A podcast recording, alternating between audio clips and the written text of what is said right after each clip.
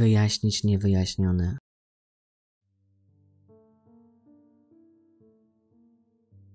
Witam wszystkich serdecznie. W tym materiale chciałbym opowiedzieć Wam o sprawie, o której słyszę po raz pierwszy. Dziś przypomnę o wydarzeniach, jakie miały miejsce w lipcu 2002 roku. Przeniesiemy się w okolice wsi Huta Komorowska, aby wspólnie zapoznać się z aktami sprawy dotyczącymi zabójstwa proboszcza tamtejszej parafii. Zacznijmy jednak od początku. Ksiądz Paweł Ksiądz Paweł Sobczyński urodził się 9 maja 1937 roku w Kolbuszowej.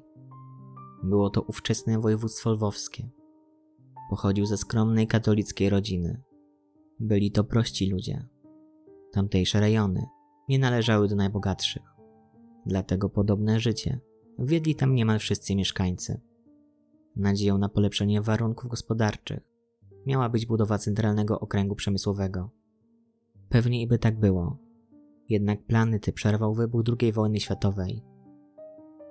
Po wojnie Paweł Sobczyński pracował, ucząc się jednocześnie wieczorowo. Maturę zdał dopiero w 1961 roku w jednym z kolbuszowskich liceów ogólnokształcących. Po otrzymaniu świadectwa dojrzałości skierował się do przemyskiego seminarium duchownego.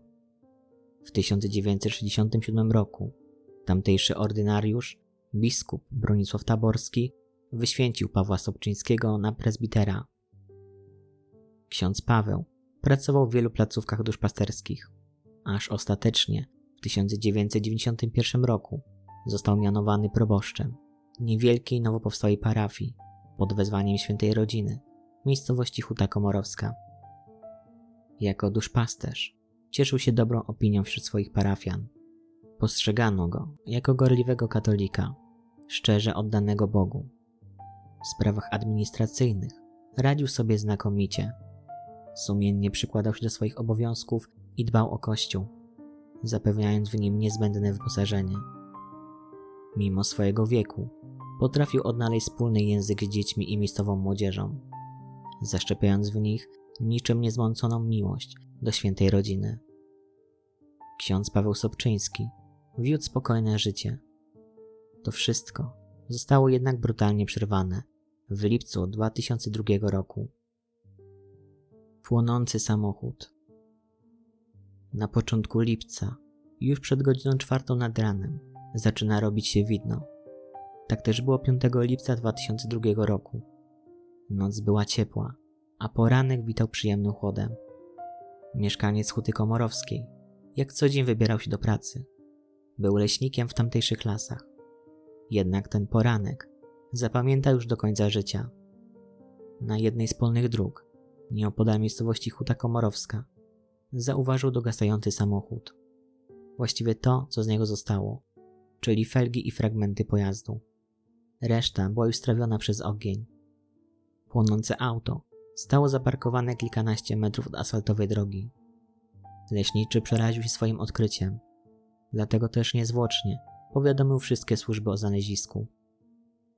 Funkcjonariusze policji, którzy przybyli na miejsce, niemalże od razu przystąpili do sprawdzenia w bazie komputerowej, do kogo należał spalony wrak Volkswagena Polo.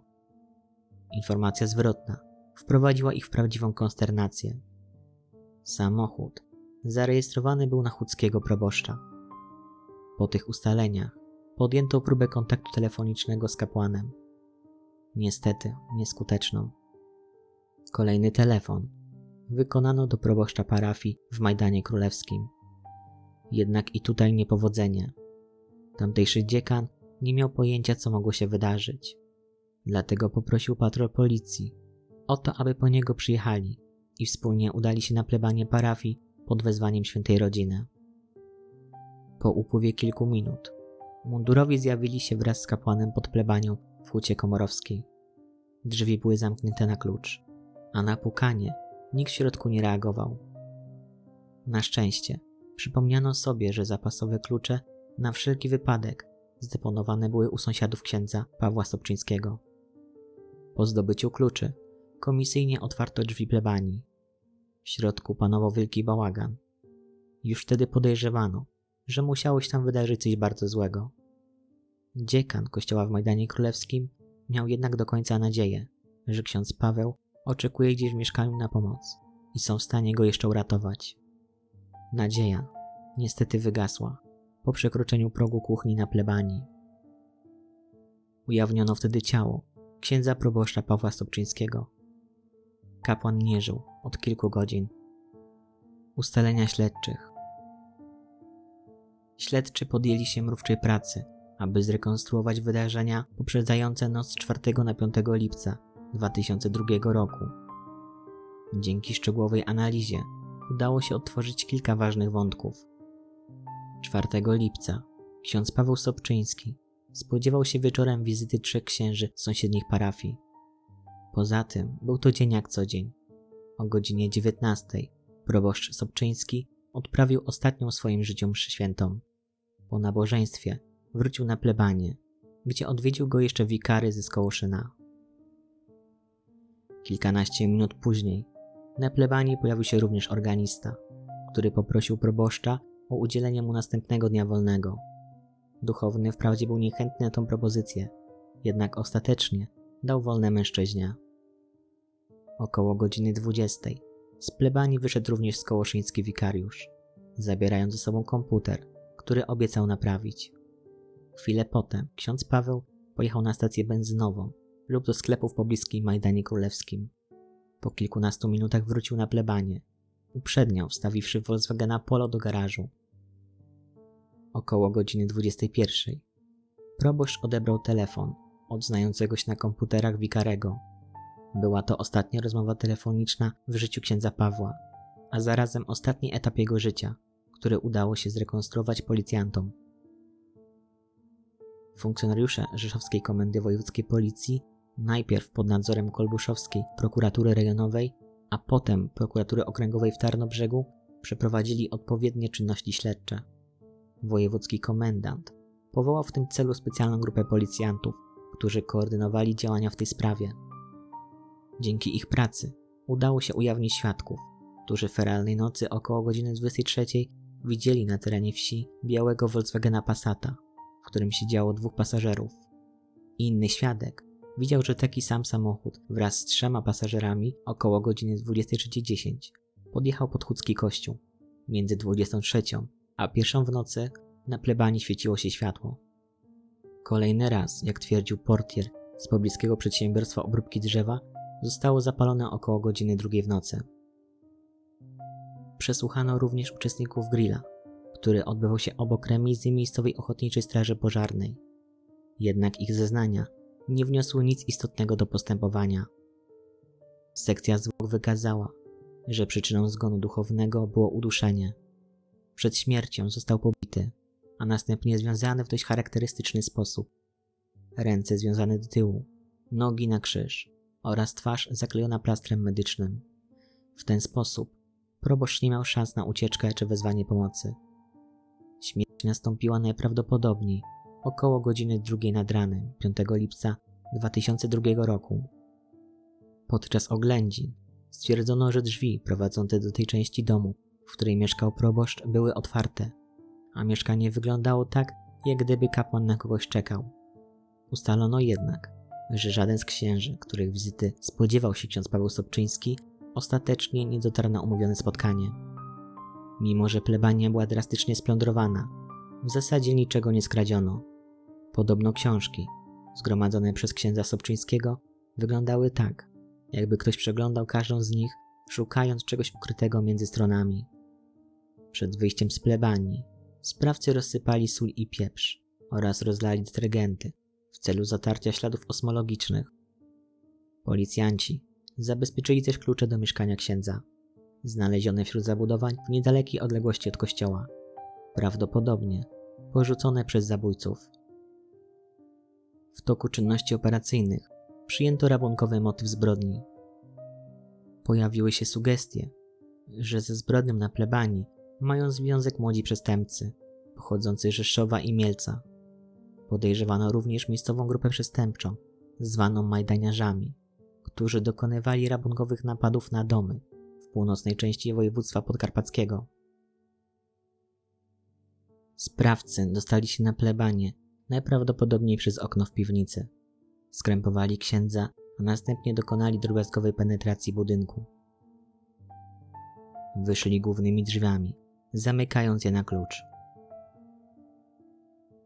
Z zamkniętego garażu wyprowadzili samochód księdza oraz zabrali kanister z benzyną, przeznaczoną do kosiarki. Odjechali w kierunku na Baranów Sandomierski, gdzie spalili samochód. Czego szukali zabójcy proboszcza? Co znaleźli na plebanii? Dlaczego sprawcy zabrali samochód księdza? Dlaczego spalili go kilka kilometrów dalej? Czy zabrali samochód właśnie po to, aby go spalić dla zatarcia śladów? Jakie to były ślady? Pytania mnożą się, lecz odpowiedzi na nie brakuje. Postępowanie w sprawie zostało umorzone z powodu niewykrycia sprawców przestępstwa, których wedle policyjnej hipotezy było czterech. Na wiosnę 2004 roku przygotowano rekonstrukcję tych wydarzeń, którą zaprezentowano 31 maja w telewizyjnym magazynie kryminalnym 997. Niestety, morderców nie odnaleziono do dziś. Przedawnienie nastąpi dopiero 5 lipca 2042 roku. Pozostałe incydenty. Przez dwa lata na terenie powiatów tarnobrzeskiego, sandomierskiego, kulbuszowskiego i staszowskiego miało miejsce kilkanaście napadów. Według prokuratury dokonała ich ta sama grupa. Miano Majdaniarzy. Przylgnęło do niej po dwóch napadach w Majdanie Królewskim. Sprawcy przychodzili nocą w kominiarkach. Scenariusz był identyczny. Truli psy, potem włamywali się do domu. Właścicieli katali metalowymi łomami i kijami baseballowymi. Nawet wówczas, gdy zmaltretowani domownicy oddali im wszystkie pieniądze. Litości nie mieli dla nikogo. W porębach dębskich koło Nowej Dęby napadli na dom 76-letniej staruszki, którą kopali ciężkimi butami po całym ciele, okładali pięściami i kijami baseballowymi oraz przytapiali w łazience. Mimo, że zmetowana kobieta oddała im wszystkie oszczędności, wyrwali jej z uszu kolczyki i skrępowaną uwięzili w szafie. Dopiero po dziewięciu godzinach uwolniła ją córka. Efektem śledztwa są 42 tomy zebranej dokumentacji oraz liczący 107 stron akt oskarżenia. Zawiera nazwiska 126 pokrzywdzonych osób i 260 świadków. Zebrane dowody pozwoliły na oskarżenie podejrzanych o udział w czterech napadach. Śledztwo dotyczące pozostałych rabunków jest kontynuowane. Podinspektor Wiesław Dybaś przyznał w jednym z wywiadów, że śledczy badają różne wątki, także ten czy oskarżeni mogą mieć coś wspólnego z zabójstwem księdza w Hucie Komorowskiej z początku lipca 2002 roku. Scenariusz napadu był podobny do sposobu ich działania. Sprawcy zabicia księdza nie zostali jednak dotąd wykryci. Dziękuję za wysłuchanie tego podcastu. Trzymajcie się.